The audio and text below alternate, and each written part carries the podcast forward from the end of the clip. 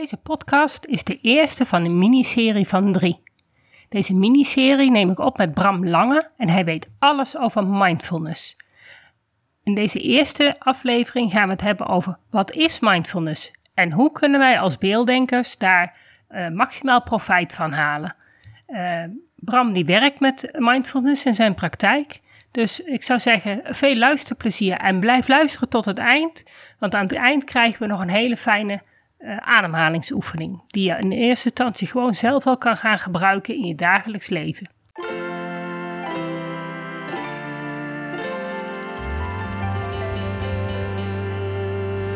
Welkom bij de Beelddenkers Podcast. Ik ben Natasja Esmeijer van Beeldig Brein en de schrijfster van het boek Beelddenkers als kwartjes vallen. Ik neem jullie mee in de wereld van de beelddenkers. Beelddenkers zijn creatieve, intelligente en zorgzame mensen, maar ze hebben moeite met onze vluchtige, snelle maatschappij. Dat begint al op school en het werkt door in het werkende leven. Ik ga in gesprek met leerkrachten, ouders van beelddenkers en met de beelddenkers zelf natuurlijk.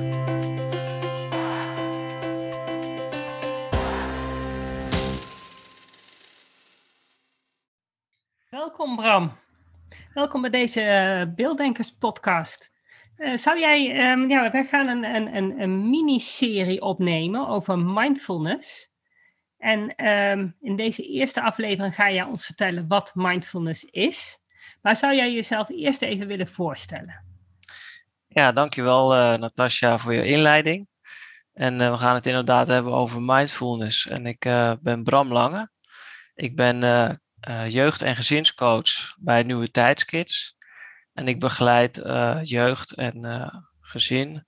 En dat doe ik online via coaching, maar ook in combinatie met mindfulness.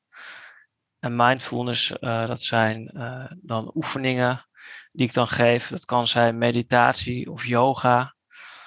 En die combineer ik dan met de coaching. En eigenlijk gaan we dan in die oefeningen naar de ademhaling. En uh, vanuit die ademhaling uh, ja, kom je bij jezelf. En uh, leg je ook de verbinding met jezelf en je omgeving op een bewuste manier. En kom je ook tot rust. En vanuit die rust hè, werk je met de coaching samen naar een doel toe. En dat is ja, per situatie verschillend. Maar dat is het stukje wat ik doe in mijn coaching. En uh, vandaag uh, gaan we het inderdaad hebben over mindfulness. En uh, deze aflevering leg ik uit wat mindfulness is, wat houdt het in. En dat bespreken we dan samen. En jij bent een specialist op het gebied van beelddenkers. En ja, dat kunnen we er mooi bij betrekken. En um, dit is de eerste aflevering en er volgen hierna nog twee afleveringen. En uh, ja, uh, op weg naar minder prikkels en meer balans. Dat is eigenlijk het slogan uh, van mij, maar ook voor mindfulness. Ja, klinkt goed. Want ik denk dat heel veel beelddenkers uh, vooral minder prikkels en meer balans nodig hebben in deze hele drukke wereld. Dat denk ik ook. En um, niet alleen beelddenkers, maar iedereen eigenlijk, uh, om op, op momenten even de ontspanning voor jezelf te zoeken. En ja, beelddenkers hebben hier ook zeker baat bij. En ik ben zelf begonnen in 2012 met een opleiding, een intuïtieve training. en daarbij ben ik in aanraking gekomen met mindfulness. En mindfulness is eigenlijk niks minder dan uh, met je aandacht naar je ademhaling gaan.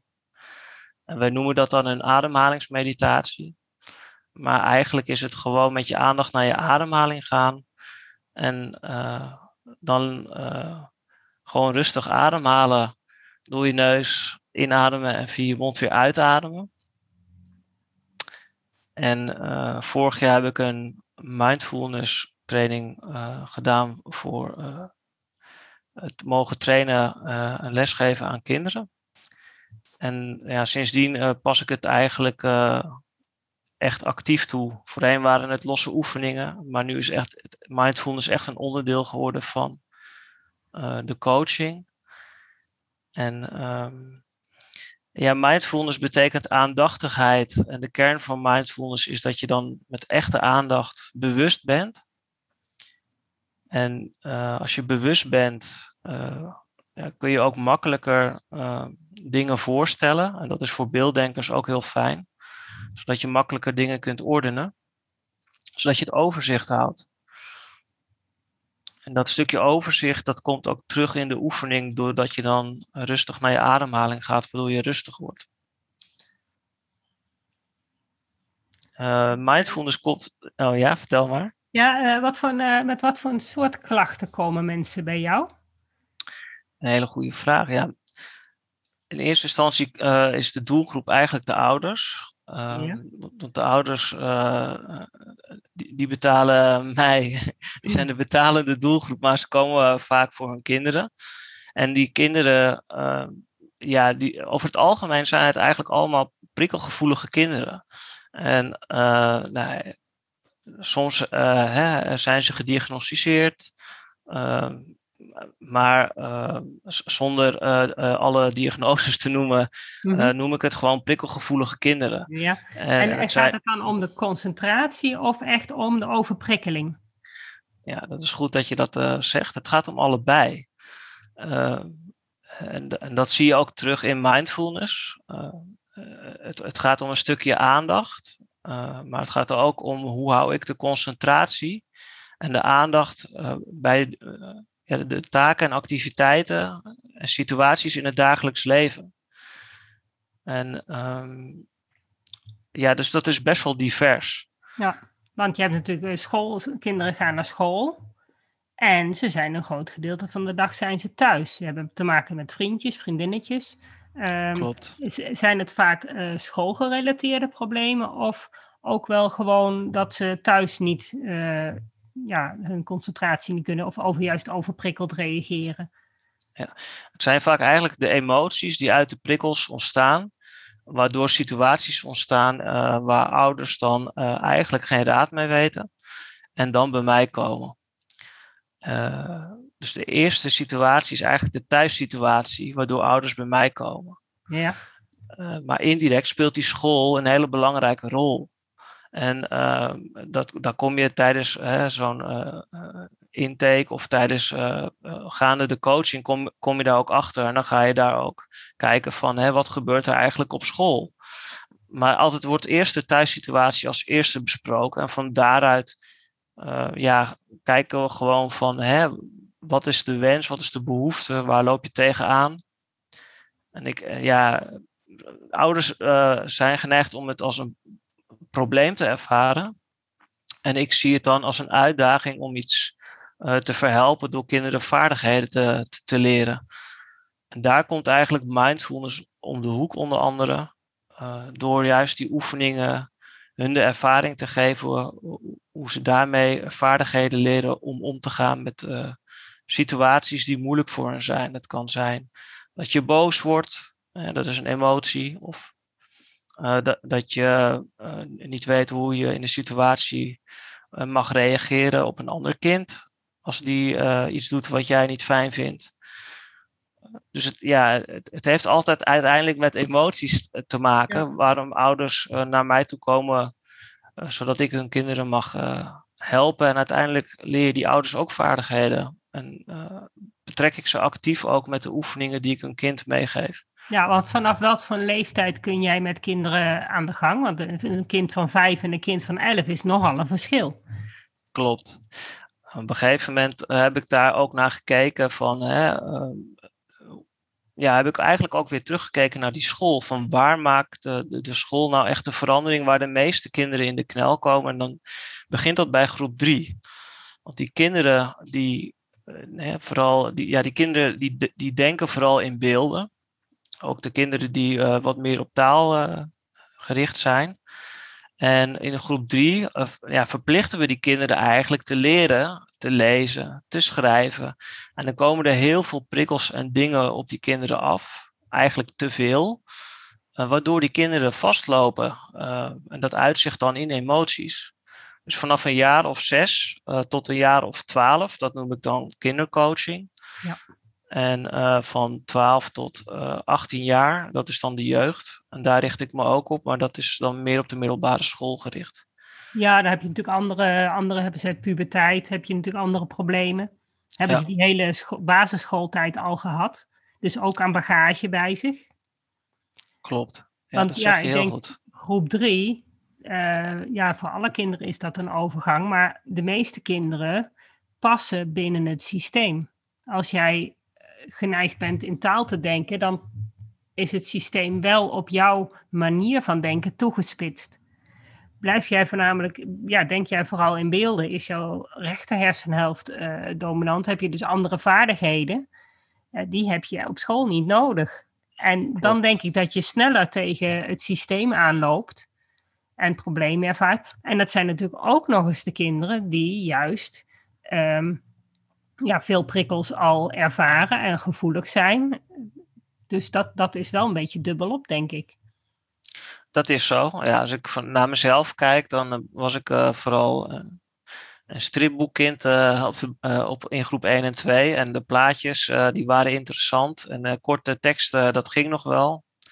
Maar de, de, boekjes lezen, dat was al vervelend. Nou had ik zelf ook dyslexie, dus daar zat al wat meer weerstand in om te lezen. Maar ja, ik was altijd moe, kwam ik thuis in groep 3 en 4. En de, de, veel kinderen die bij mij komen, ja, dat zijn ook die prikkelgevoelige kinderen, die komen ook ja. moe thuis in groep 3 en 4. En dat, die, dat balans komt wel een, weer wat makkelijker terug in groep 5 en 6. Uh, maar uh, ja, vandaar dat ik de keuze heb gemaakt bewust om vanaf uh, zes jaar die kinderen te helpen. Want ik kan ook uh, jonge kinderen begeleiden als ik dat zou willen. Dat doe ik gewoon vooral op intuïtie en verbinding met dat kind. Dus in principe zou dat ook kunnen gaan. Maar ja, ik kijk gewoon naar de doelgroep die het hardste mijn hulp nodig heeft. En ja, daarom vind ik het voor mijn doelgroep belangrijk dat ik er dan ook voor die kinderen ben die dat op dat moment het hardste nodig hebben. Ja, anders dan wordt het wel heel erg divers ook. Ja. Want jij zegt, je doet het online. Doe je alles online? Of heb je ook een praktijk waar je gewoon fysiek met de kinderen aan de gang gaat? Ja, dat heb ik in het verleden wel gedaan. Uh, ik ben gewoon begonnen eerst uh, in mijn eigen appartement. Dan had ik gewoon mijn eigen kamer en uh, daar ben ik begonnen. En toen ben ik in Amsterdam kon ik gewoon een flexplek huren. Dat was gewoon ook fysiek consulten.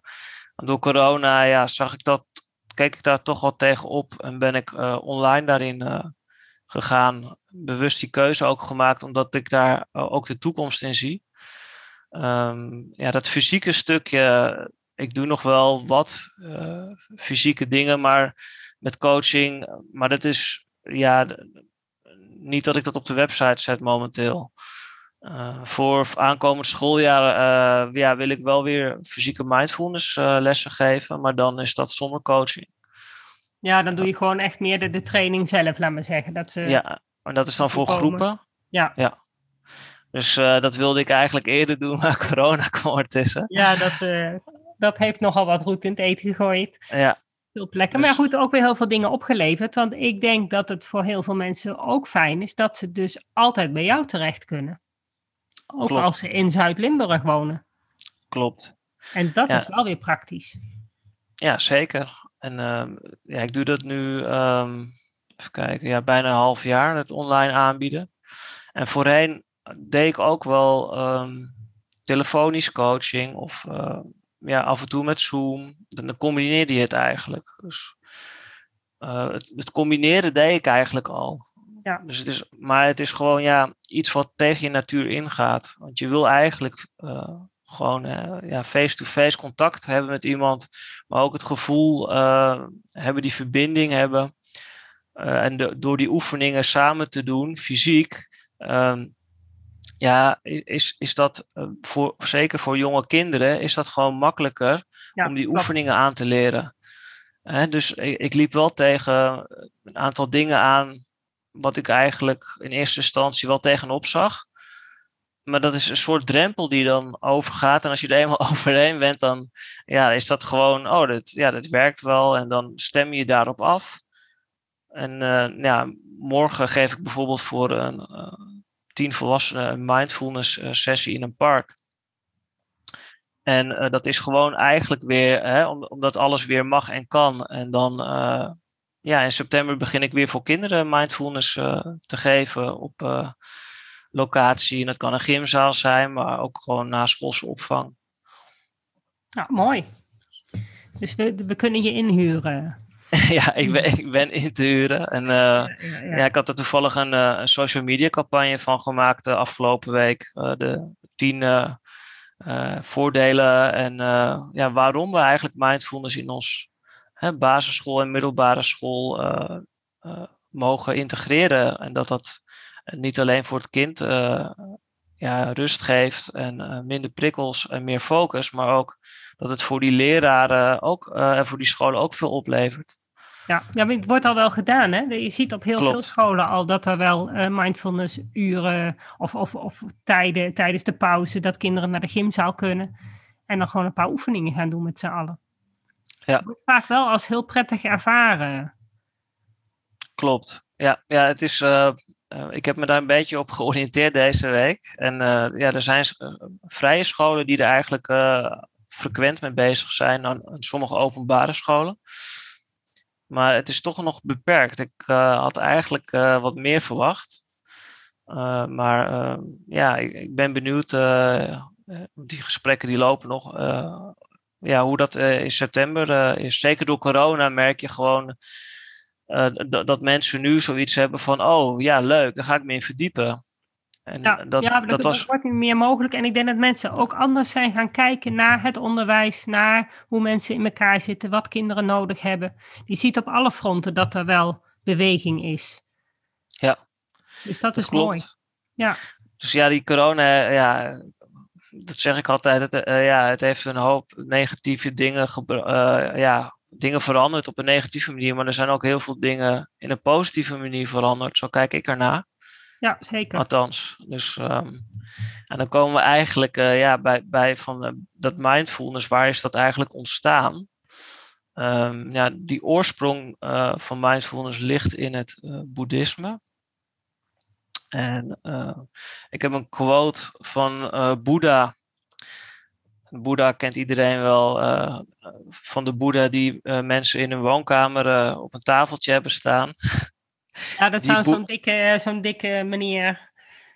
Zo'n dikke meneer die dan. in, niet de Boeddha die jij bedoelt. nee, maar dat is dan een beetje. Ja, je, je hebt hem in meerdere vormen, ook in, in een slank vorm, maar die zit dan in kleermakerszit en dan met zijn handen gevouwen. En, met zijn appeltje. Uh, met zijn appeltje kan ook, inderdaad. Ja, met al die handen. Ja, mijn moeder is ook, uh, die, die heeft zich ook heel erg verdiept in het boeddhisme.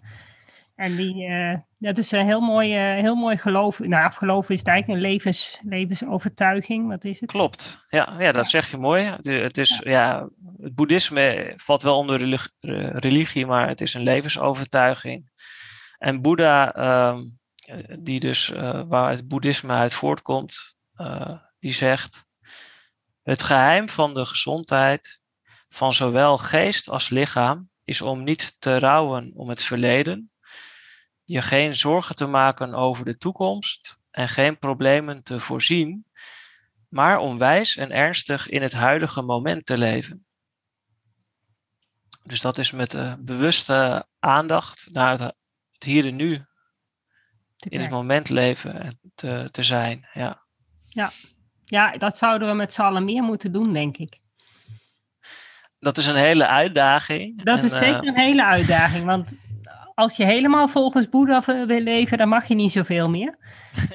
maar is ook eh, niet echt haalbaar, maar je kan er wel stukken uitpakken natuurlijk. En je wat meer bewust worden van het feit dat je ook gewoon op dit moment bent en voelt. En ja. Het meest, ja, meest makkelijke om te integreren is eigenlijk bij activiteiten die we nu allemaal automatisch doen. En het begint eigenlijk al met opstaan, je tanden poetsen, uh, ontbijten. wat doen mensen uh, nu tegenwoordig? Uh, die staan op, maar zetten hun mobiel direct aan. Sommige mensen hebben hun mobiel gewoon naast hen liggen in bed. En ze, kijken op, en, ze kijken, en ze kijken op hun mobiel voordat ze gaan tanden poetsen en voordat ze gaan ontbijten. En ja, dat zie ik ook terug bij de jeugd. Hè, dus de, de tieners.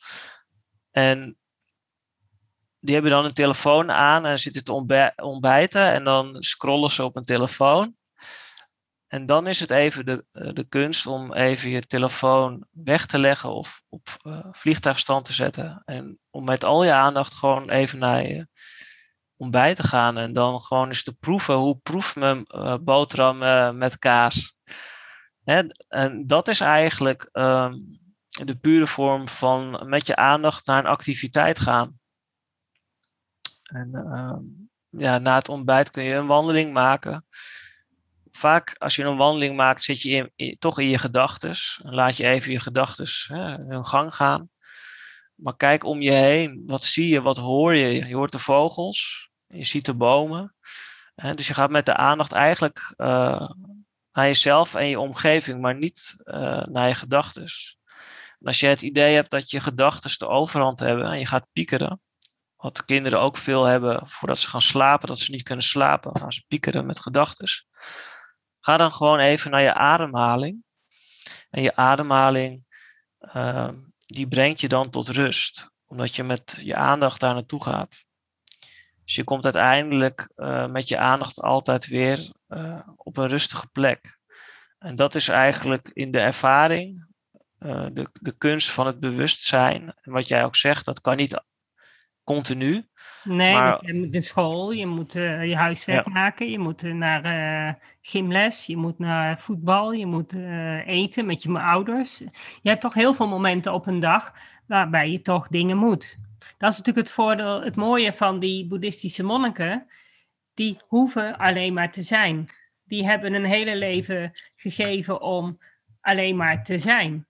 En dan heb je de tijd om de hele dag te mediteren. Ja goed, wij normale stervelingen zullen toch gewoon, nou ja, elke dag naar school moeten. Uh, je moet je werk uh, doen. Uh, er wordt toch van je verlangd dat je, nou ja, redelijk wat uren van je dag zijn opgevuld, laten we het zo zeggen. Dus eigenlijk moet je ergens een paar rustmomenten zien in te bouwen.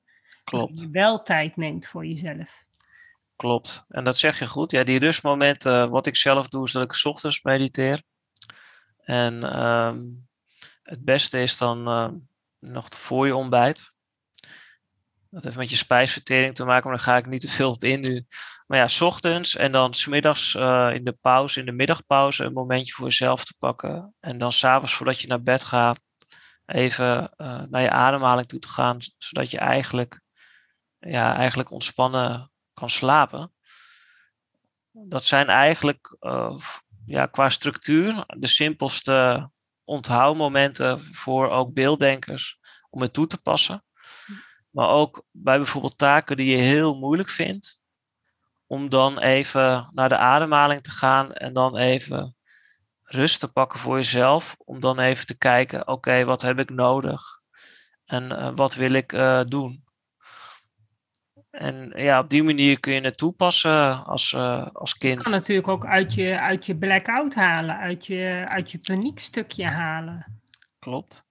Dus examenstress, presentatiestress, ja, dat soort ja, dingen. Ja, nou ja, gewoon, ik heb, ik heb zoveel jongeren die, die in een toetsweek gewoon goed geleerd hebben, maar dan daar zitten en die stress die neemt de overhand. En ze raken gewoon in een blackout. Dan zeg ik al van ja, ga even in je, in je hoofd terug naar waar je was eh, toen je aan het leren was. Ga terug naar die mindmap die we samen gemaakt hebben. Dat helpt vaak al.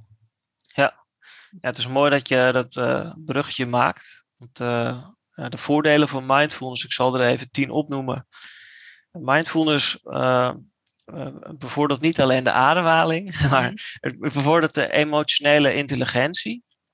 En de voorbeelden die we net hebben doorgenomen, ja, kun je daarmee vergelijken. Hè? Angst is daar ook een onderdeel van, van de emotie.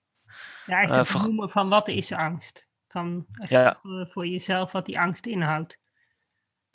En, en ja, klopt. En uh, het, het, vergroot daardoor ook het bewustzijn. Dus daar hebben we het ook al over gehad. Je bewust met, met je aandacht naar je ademhaling of naar een activiteit. Het vermindert stress.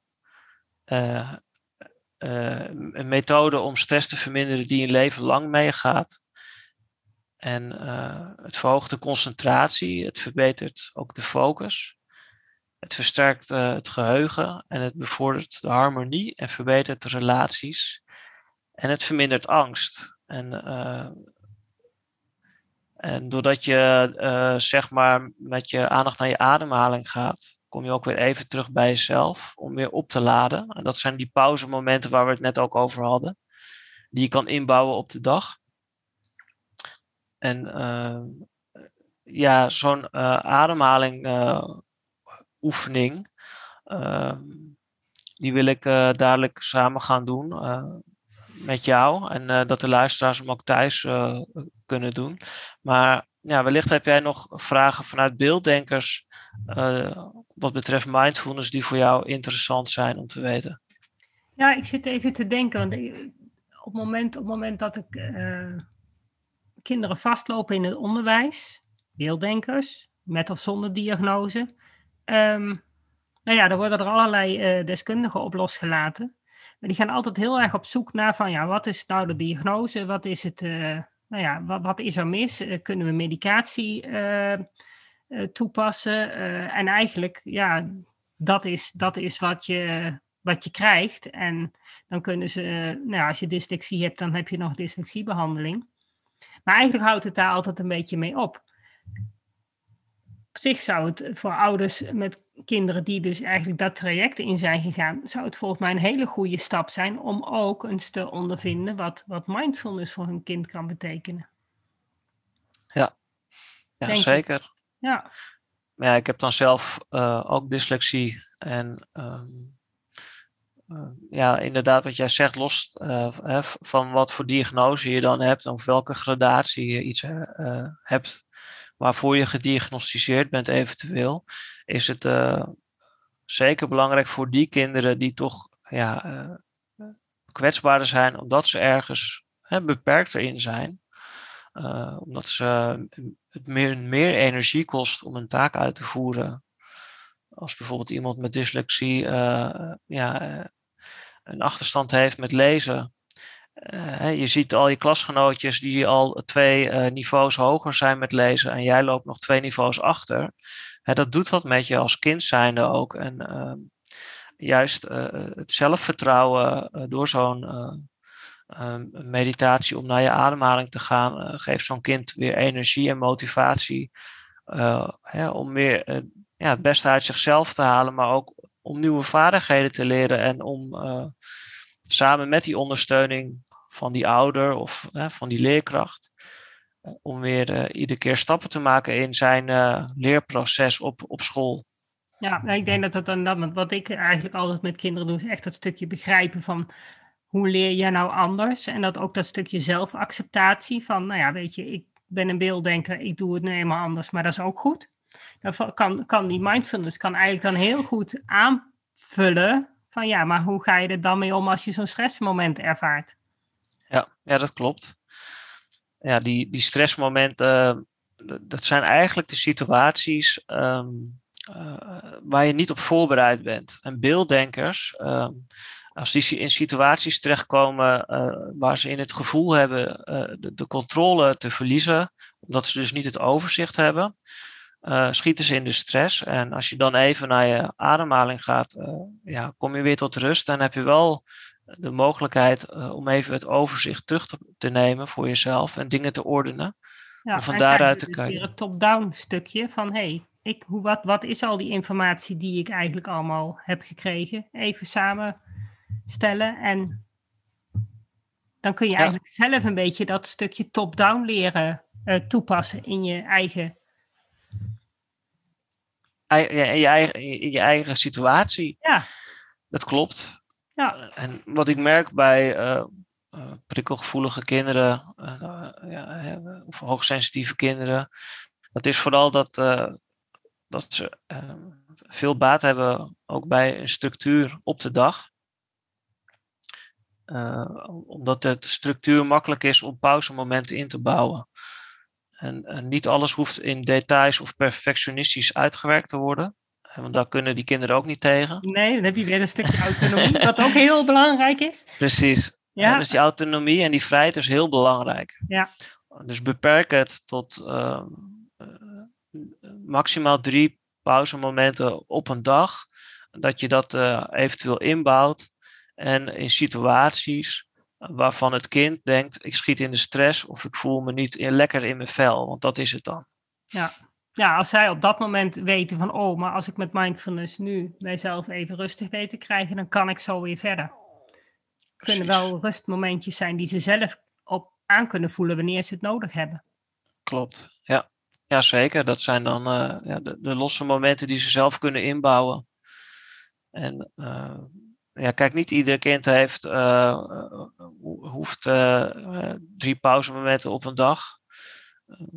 dus dat is ook voor ieder kind anders. En, maar het is wel fijn als je, denk ik, inderdaad, ook als ouders heb je dan wel daar dan weer een stukje invloed op. Van, goh, hey, zullen we even samen voordat je naar school gaat? Of als je uit school komt, dan, dan kun je ze daar wel bij helpen om dat ook in hun systeem te krijgen. Klopt, ja, dat zeg je heel mooi. Eh, ja, en daarvoor uh, ja, werkt het heel goed. Ja. En uh, ja, brengt het rust thuis en, en ook op school. En ja, ik denk dat we best wel een, een mooi overzicht hebben in deze eerste podcast uh, wat mindfulness uh, inhoudt en wat het kan betekenen voor beelddenkers. Ja, denk het ook. Zou jij met mij die oefening willen gaan doen? Ja, en uh, de, de, oefening die ik heb uitgezocht is in je kracht via de ademhaling. En in je kracht staan kun je ook zitten doen. Dus we, uh, we, beginnen voor de ontspanning. Ja, je kan hem ook staan doen hoor, maar ik zou gewoon lekker gaan zitten met je, met je rug tegen de rugleuning van de stoel. Met je voeten op de grond. En dan je schouders even lekker losmaken. Dat je het idee hebt van, ah, mijn schouders zijn ontspannen. En dan leg ik eerst even de oefening uit voordat ik hem eigenlijk ga uitvoeren met je. En dat doe ik eigenlijk uh, nou, voor beelddenkers is dat hartstikke handig, want dan orden ik eigenlijk al het proces voor hun van de oefening. Uh, maar het fijne ervan is, als je weet wat, wat je tijdens de meditatie gaat doen, dat je veel meer dieper kan ontspannen. De ademhaling oefening, die, wat we gaan doen is, we, we, we gaan naar de ademhaling toe met al onze aandacht. En we ademen in via de neus. En dat doe je 6 seconden. En na die 6 seconden hou je 2 seconden je ademhaling vast. En dan adem je uit via de mond. En dat doe je uh, niet in één keer, maar dat doe je gedoseerd in 8 seconden. En op die manier, als je het op die manier doet in je hoofd, dan uh, ja, ga je veel dieper in die ademhaling. Want als je gewoon in en uitademt, ga je niet echt diep met je aandacht naar je ademhaling toe. Maar door deze techniek uh, van het aantal seconden, uh, ja, kom je veel makkelijker uh, in die ademhaling en uit je gedachten. Dus dan beginnen we met inademen via de neus. Zes seconden inademen. Houden de adem vast twee seconden. En dan ademen we uit acht seconden gedoseerd via de mond.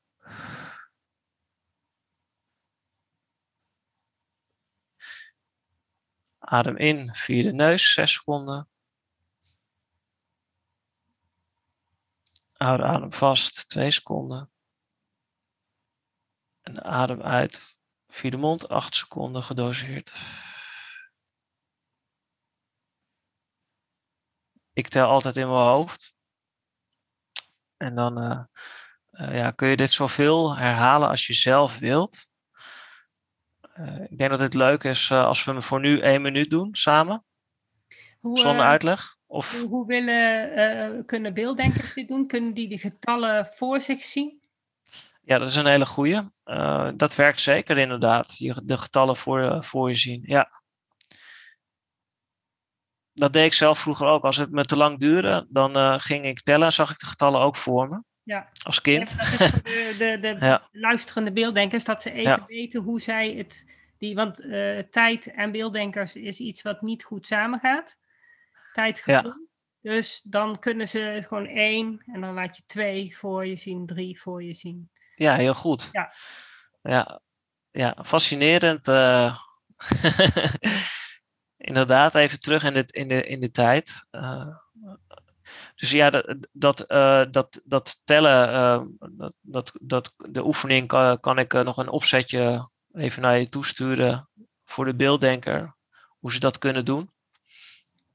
Dus inderdaad, het tellen voor je zien. Dus je ademt in via de neus en je, je telt tot zes en dan zie je 1, 2, 3, 4, 5, 6. Dan hou je adem vast en dan tel je 1, 2 en dan adem je uit, gedoseerd. En dan 1, 2, 3, 4, 5, 6, 7, 8. En dan herhaal je weer de, de oefening. En dat kun je zo lang doen als je wilt. En uh, daardoor ga je steeds dieper in de ademhaling. En kom je steeds uh, ja, dichter bij jezelf. En als je uit de oefening komt, uh, dan merk je dat je hoofd ook leeg is. dat je meer bewust bent van jezelf, maar ook van je omgeving. dus je krijgt voor je gevoel ook minder prikkels binnen, omdat je beter bent afgestemd, beter geaard bent op jezelf. Oh, dat is een hele fijne. Dus ik zou zeggen, luisteraars, ga lekker thuis oefenen. En ja, ben benieuwd wat de reacties zijn. en dan hoor ik die ook graag terug van de luisteraars.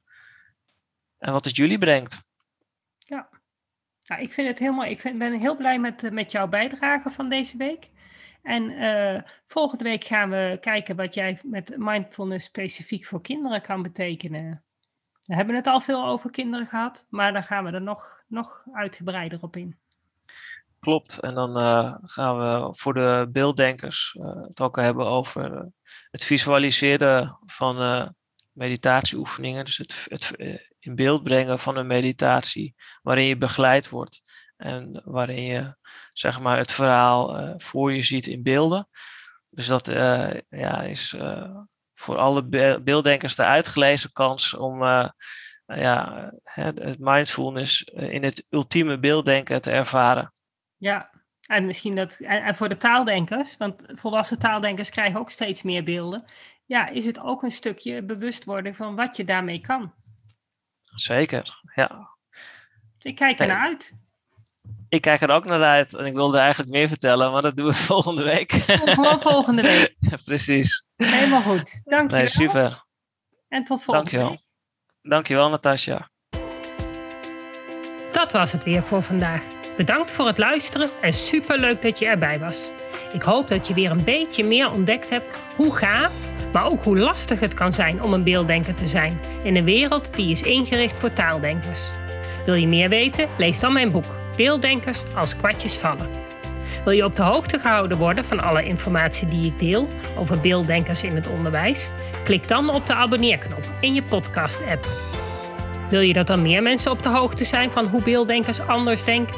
Laat dan een review achter, zodat er steeds meer mensen in beweging komen om het beelddenken serieus te nemen. Heb je nog tips of vragen? Of ben jij of je kind een beelddenker en wil jij je verhaal delen? Laat het me gerust weten. Wil je als ouder of leerkracht echt weten hoe het allemaal werkt bij je kinderen of bij jezelf? Kom dan naar een van de cursussen. Duik helemaal in het onderwerp en kom erachter dat beelddenkers helemaal niet zo anders zijn en best in ons onderwijssysteem passen, als je maar weet hoe ze denken. Ik geef speciale cursussen voor ouders en voor professionals. Voor meer informatie ga je naar www.natasjaesmeijer.nl. Samen gaan we voor een beelddenkvriendelijke wereld.